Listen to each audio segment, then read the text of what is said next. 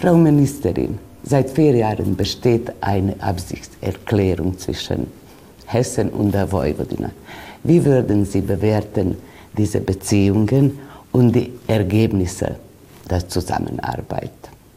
Die Zusammenarbeit zwischen Hessen und der autonomen Provinz Vojvodina ist ausgesprochen gut. Also es ist eine vertrauensvolle äh, Zusammenarbeit und auch äh, geprägt von konkreten Projekten. Wir haben jetzt ein Wasserprojekt gemeinsam gemacht. Wir werden im Bereich Umweltschutz, Abwasser äh, gemeinsam die Zukunft schauen, haben einige Dinge besprochen, die wir auch intensivieren können. Also insofern ist es eine Partnerschaft, die mich sehr zuversichtlich stimmt.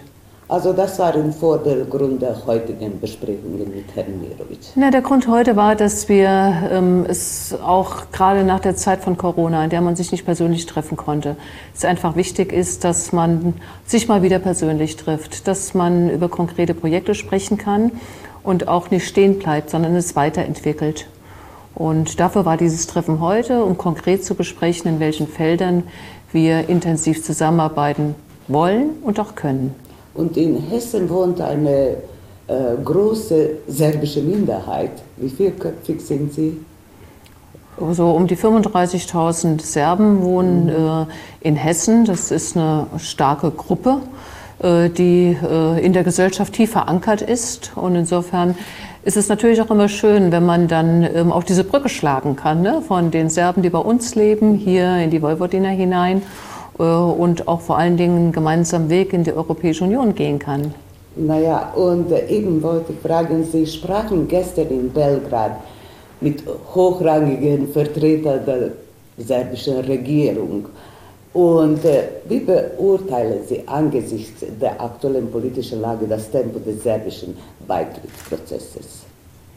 Also nach wie vor halte ich den Beitritt für notwendig und erstrebenswert. Ähm, ich halte es für wichtig, dass die Staaten auf dem Westbalkan Mitglied der Europäischen Union werden. Und wenn ich jetzt die Situation vergleiche, in 2017, als ich erstmals hier war und jetzt, glaube ich, dass das Thema des Beitrittes drängender ist als vor vielen Jahren. Naja, schon damals haben Sie äh, erklärt, dass äh, man den Westbalkan nicht hängen lassen dürfe, nicht wahr? Ich sehe das so, ja. Also der Westbalkan äh, hat ein großes Potenzial. Und für uns ist es wichtig, ähm, dass ähm, mal, der Frieden auf dem Westbalkan ist ähm, friedenssichernd für Europa. Und das gemeinsame Ziel der Länder des Westbalkans mit der Europäischen Union zu werden, verbindet auch die Länder des Westbalkans. Insofern gibt es viele Interessen und vor allen Dingen sieht man gerade in der heutigen Zeit, dass die Europäische Union ein großes Friedensprojekt ist.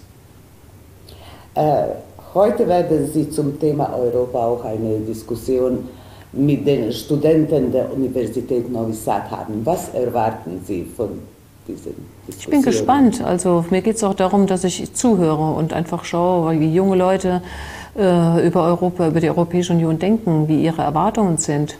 Und ich glaube, wir müssen auch einfach immer den Weg beschreiben und zeigen, wie der Weg aussehen kann. Der Weg ist beschwerlich, aber das Ziel ist auch klar definiert. Ja, und am Nachmittag werden Sie die Gelegenheit haben, die Vertreter der deutschen Minderheit auch zu treffen in Batschki Jarak. Was erwarten Sie davon und inwieweit kennen Sie diese Minderheit? Na, ich war schon dort, also ja. bei den letzten Besuchen auch schon dort. Insofern ist es ein Wiedersehen. Und ich finde es wichtig, dass man den Kontakt dorthin hat, ähm, dass man zeigt, dass die deutsche Minderheit nicht in Vergessenheit gerät, sondern eine Bedeutung hat und äh, dass wir auch die Aufmerksamkeit schenken. Naja, und äh, zum Ende möchte ich fragen, was für eine Botschaft haben Sie für unsere Zuschauer der Deutschen Minuten und die Zuhörer der Radiosendung, weil wir es schon seit sechs und vier Jahren hier haben, diese Sendungen im Fernsehen und in, in der Radio. Also meine Botschaft ist, dass wir Freunde sind dass wir Freunde sind, dass wir gemeinsame Ziele haben und ähm, dass wir Begegnungen und Projekte immer unterstützen sollten. Wir haben eine gemeinsame Vision eines friedlichen Zusammenlebens innerhalb der Europäischen Union und daran arbeiten wir gemeinsam. Also vielen Dank für das Interview und alles Gute. Zum Abschluss des Besuchs begab sich die hessische Delegation in Begleitung des Gastgebers zum Denkmal für die deutschen Opfer in Bad Jarak und legte einen Kranz nieder, um den Toten dadurch Ehre zu zollen. Die Gedenkstätte erinnert an die Angehörigen der deutschen Minderheit, die im Lager Jarek während des Zweiten Weltkrieges umgekommen sind und ist Ausdruck der deutsch-serbischen Versöhnung. Gledate paletu. Izbor iz emisija na jezicima nacionalnih zajednica.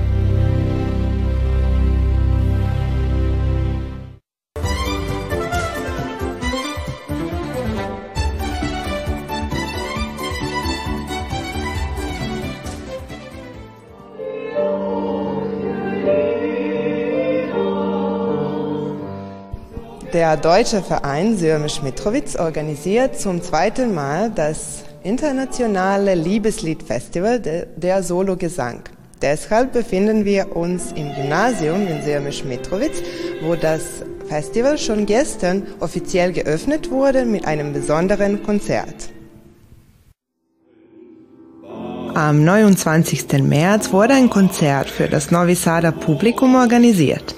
Tenor Nicola David, der zusammen mit der spanischen Sopranistin Teresa Albero und der serbischen Pianistin Maja Grujic aufgetreten ist, erzählt mehr davon. Zuerst war in Novi Sad am Mittwoch äh, das Konzert mit meiner Kollegin aus Spanien, wo wir spanische Solo-Lieder äh, gesungen haben und sephardische Lieder. Und das war etwas ganz Besonderes.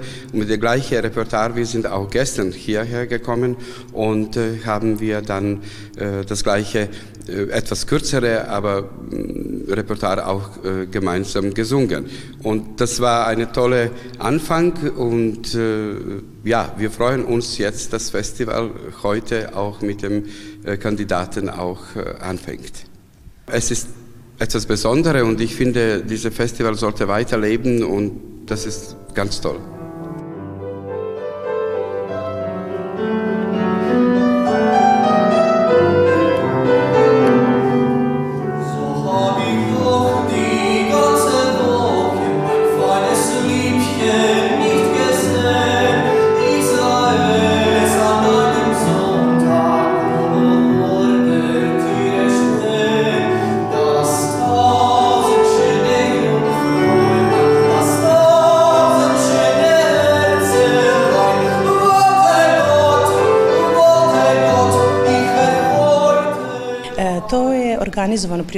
Dieses wunderbare Festival wurde vom deutschen Verein Sumisch Mitrovic organisiert.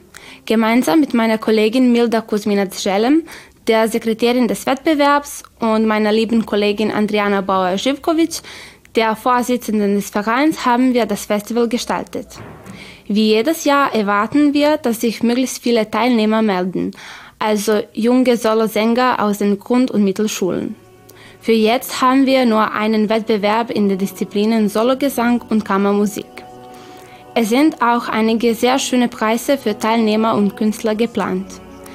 Die Mitglieder der diesjährigen Jury sind Nicola David, ein Tenor aus Deutschland, der ursprünglich aus unserem Land stammt und sein Sologesangsstudium in der Klasse von Professorin Biseka Cvejic in Novi Sad abgeschlossen hat, sowie Senka Nedeljkovic, meine liebe Kollegin von der Musikschule Isidor Bajic, und Mirjana Pantelic, Lehrerin für Sologesang an der Musikschule Schabatz.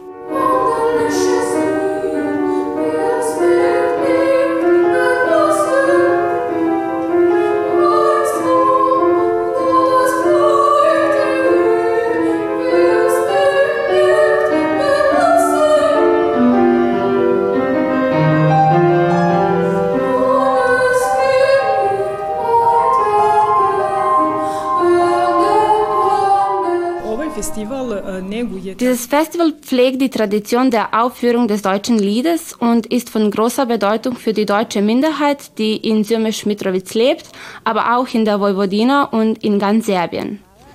Bei der Organisation dieses Festivals haben wir große Unterstützung von unserer Stadt erhalten, denn dieses Festival bereichert sicherlich das kulturelle Angebot in Syrmisch-Mitrovic. Wir haben auch die Unterstützung des Landessekretariats für Kultur und des Kulturministeriums. Dies spricht nur für die Bedeutung dieses Festes sowohl für die deutsche Minderheit als auch für die Mehrheit.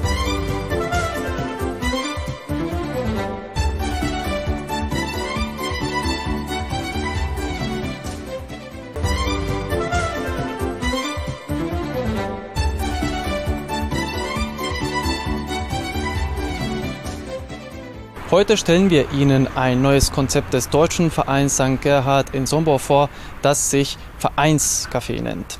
Worum es sich dabei handelt, erfahren Sie sofort. Vereine sind da, wie der Name schon sagt, um Menschen zu vereinen. Genau das macht der deutsche Verein St. Gerhard in Sombor schon seit zwei Jahrzehnten. Um die Menschen einander noch näher zu bringen, führte nun die Organisation mit dem Vereinscafé ein Format ein, welches auf mehreren vorherigen Veranstaltungsreihen beruht.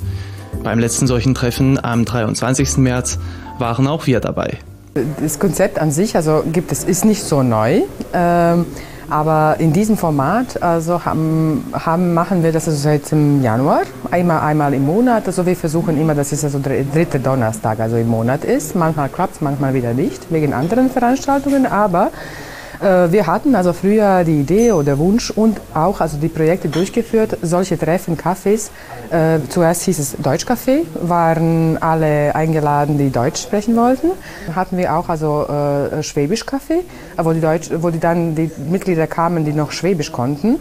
Und dann haben wir verstanden, dann nach der Corona gab es diesen Bedarf, äh, Bedarf, dass die Leute einfach zusammenkommen. Und dann haben wir gesagt, okay, wieso machen wir drei äh, unterschiedliche Veranstaltungen für drei Zielgruppen? Wir könnten das also alles vereinen, also in ein äh, Vereinscafé, wo dann alle Leute kommen, also sowohl Deutschsprechende als auch also andere, also Leute, die andere Sprachen sprechen, äh, damit man menschlich wieder zusammenkommt. Das Treffen im letzten Monat war insgesamt das dritte Vereinscafé in St. Gerhard. Es soll unter anderem die Mitglieder dazu veranlassen, in den Verein zu kommen, aber auch andere sind herzlich willkommen. Egal, ob man Vereinsmitglied ist oder nicht, ob man Deutsch, Ungarisch oder Serbisch sprechen möchte oder ob man alt oder jung ist. Das Vereinscafé richtet sich an alle. Und nicht nur das. Man kann sich austauschen, worüber man nur möchte.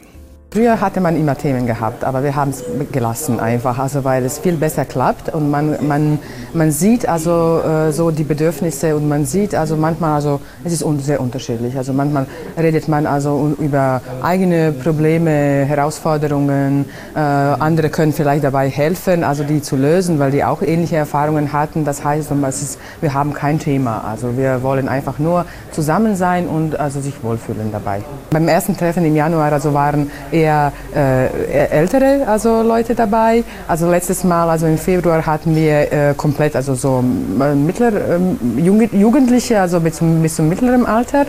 Und äh, es ist, wir sind immer überrascht also, und äh, wir sind immer gespannt, also, wer da also so äh, kommt. Mein Vater hat Verein gegründet damals. Wir haben das am Anfang alles zusammen gemacht, äh, einige Jahre, ungefähr sieben Jahre lang haben wir das zusammen gemacht. Und äh, dann bin ich ein bisschen in Ausland gegangen mit meiner Familie. Und seit zwei, drei Jahren sind wir wieder in Sombor. Und jetzt will ich, äh, wenn das möglich ist, mehr und aktiv sein in, hier im Verein. Das ist schon das dritte Mal, dass ich hier bin. Und äh, ja, ich bin froh, dass so etwas gibt, weil äh, das ist ohne Aufgaben, nur einfach frei können wir über ganz viele Sachen reden. Und das ist die allerwichtigste, dass wir zusammen sind. Allgemein gibt es hier äh, vielleicht ein äh, bisschen ältere Leute, also die können ganz viel erzählen über Geschichten. Wie war das früher hier? Zwar ist das Vereinscafé offen für alle, das Angebot wird aber dennoch, wie auch Herr Beck betonte, in erster Linie von den älteren Leuten wahrgenommen. Auf diese Weise ist bei solchen Treffen häufig der echte donauschwäbische Dialekt zu hören. Viele, das habe ich am Anfang so erfahren, sagen auch oft, dass sie nicht die Möglichkeit haben, sich auf Deutsch zu unterhalten. Manche möchten gerne auch ihren schwäbischen Dialekt sprechen und haben, wenn sie allein sind, nicht immer die Möglichkeit, äh, da auf Schwäbisch speziell auch zu sprechen. Und äh, daher kam dann die Idee zustande, dass man so ein offenes Angebot halt auch anbietet. Ähm, viele Vereinsmitglieder sind zwar in Sombor wohnhaft, äh, viele wohnen aber auch in den umliegenden Ortschaften äh, und können nicht ständig in den Verein kommen, aber wir möchten trotzdem offen sein für alle. Und äh, so kam eigentlich die Idee zustande. Wie groß ist das Interesse und wie viele Leute waren bisher meistens anwesend bei diesen Vereinscafés? Ähm, ja, jetzt im Winter war es ein bisschen schwierig, das zu starten, weil, wie gesagt, viele Mitglieder sind doch schon ein bisschen äh, älter Und äh, im Winter war oftmals das Wetter auch nicht so gut. Äh, also beim letzten Mal waren wir ein bisschen weniger, aber die paar Male davor waren eigentlich auch so etwa so viele Leute wie jetzt da. Da hatten wir auch schon eine Gruppe aus Bessern, die gekommen ist, extra deswegen. Aber es ist gut, wenn man zusammenkommt, nicht nur, äh, wenn man so alleinig vereinzlich ist, dann hast du mit den Menschen nichts zu verkehren. wenn wir daher kommen, oder sind wir uns 15, 20, nicht noch, kann man doch etwas her, Neues und wie es geht, aber darum kommen wir ja alle Wochen. Die junge Frau, mit der ich aufstehe, übertragt uns, wenn wir als, weil ich habe schon viel vergessen. Es geht nicht mehr, weil wenn man nicht allweil mit ihr sprechen, geht es aus. Noch mit ihr kommen wir zusammen und sie freuen sich noch, noch, helfen sie uns mit und so geht's. Falls auch Sie Interesse haben, können Sie auf Facebook alle nötigen Informationen zu den kommenden Vereinscafés finden. Tragen Sie dafür einfach Deutscher Verein Gerhard ein. Für das Zusammentreffen brauchen Sie dann nur noch ein bisschen gute Laune. Kaffee, Kuchen und eine angenehme Gesellschaft warten nämlich bereits auf Sie in Sombor.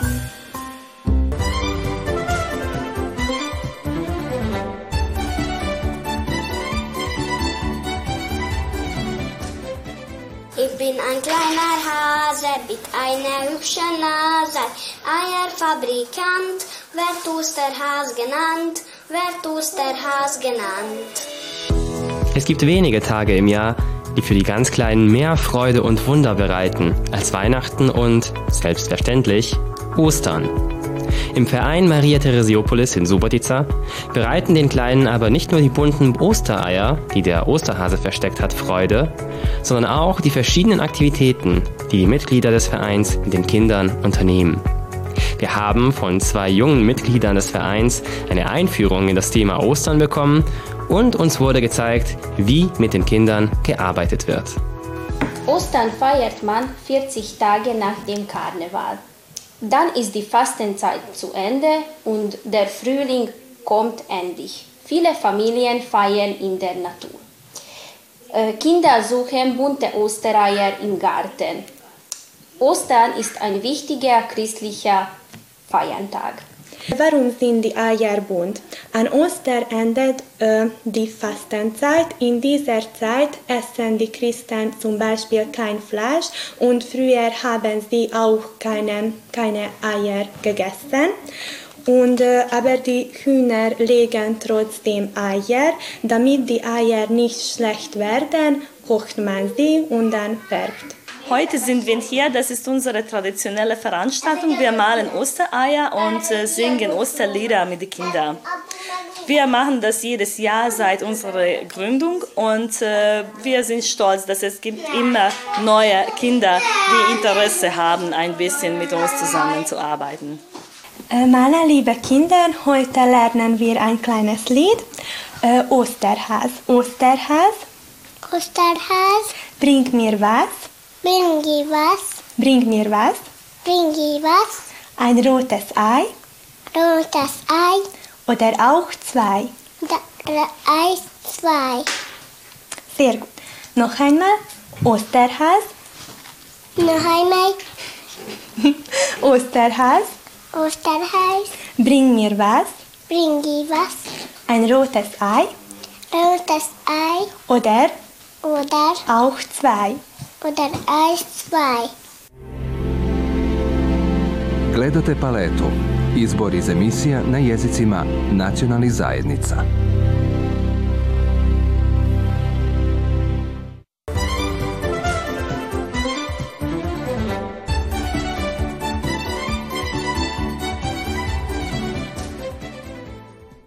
Franz Eisenhut gilt als einer der bedeutendsten akademischen Maler Österreich-Ungarns in der zweiten Hälfte des 19. Jahrhunderts und zu seinen berühmtesten und bekanntesten Gemälden gehört eines, das die Schlacht von Senta behandelt.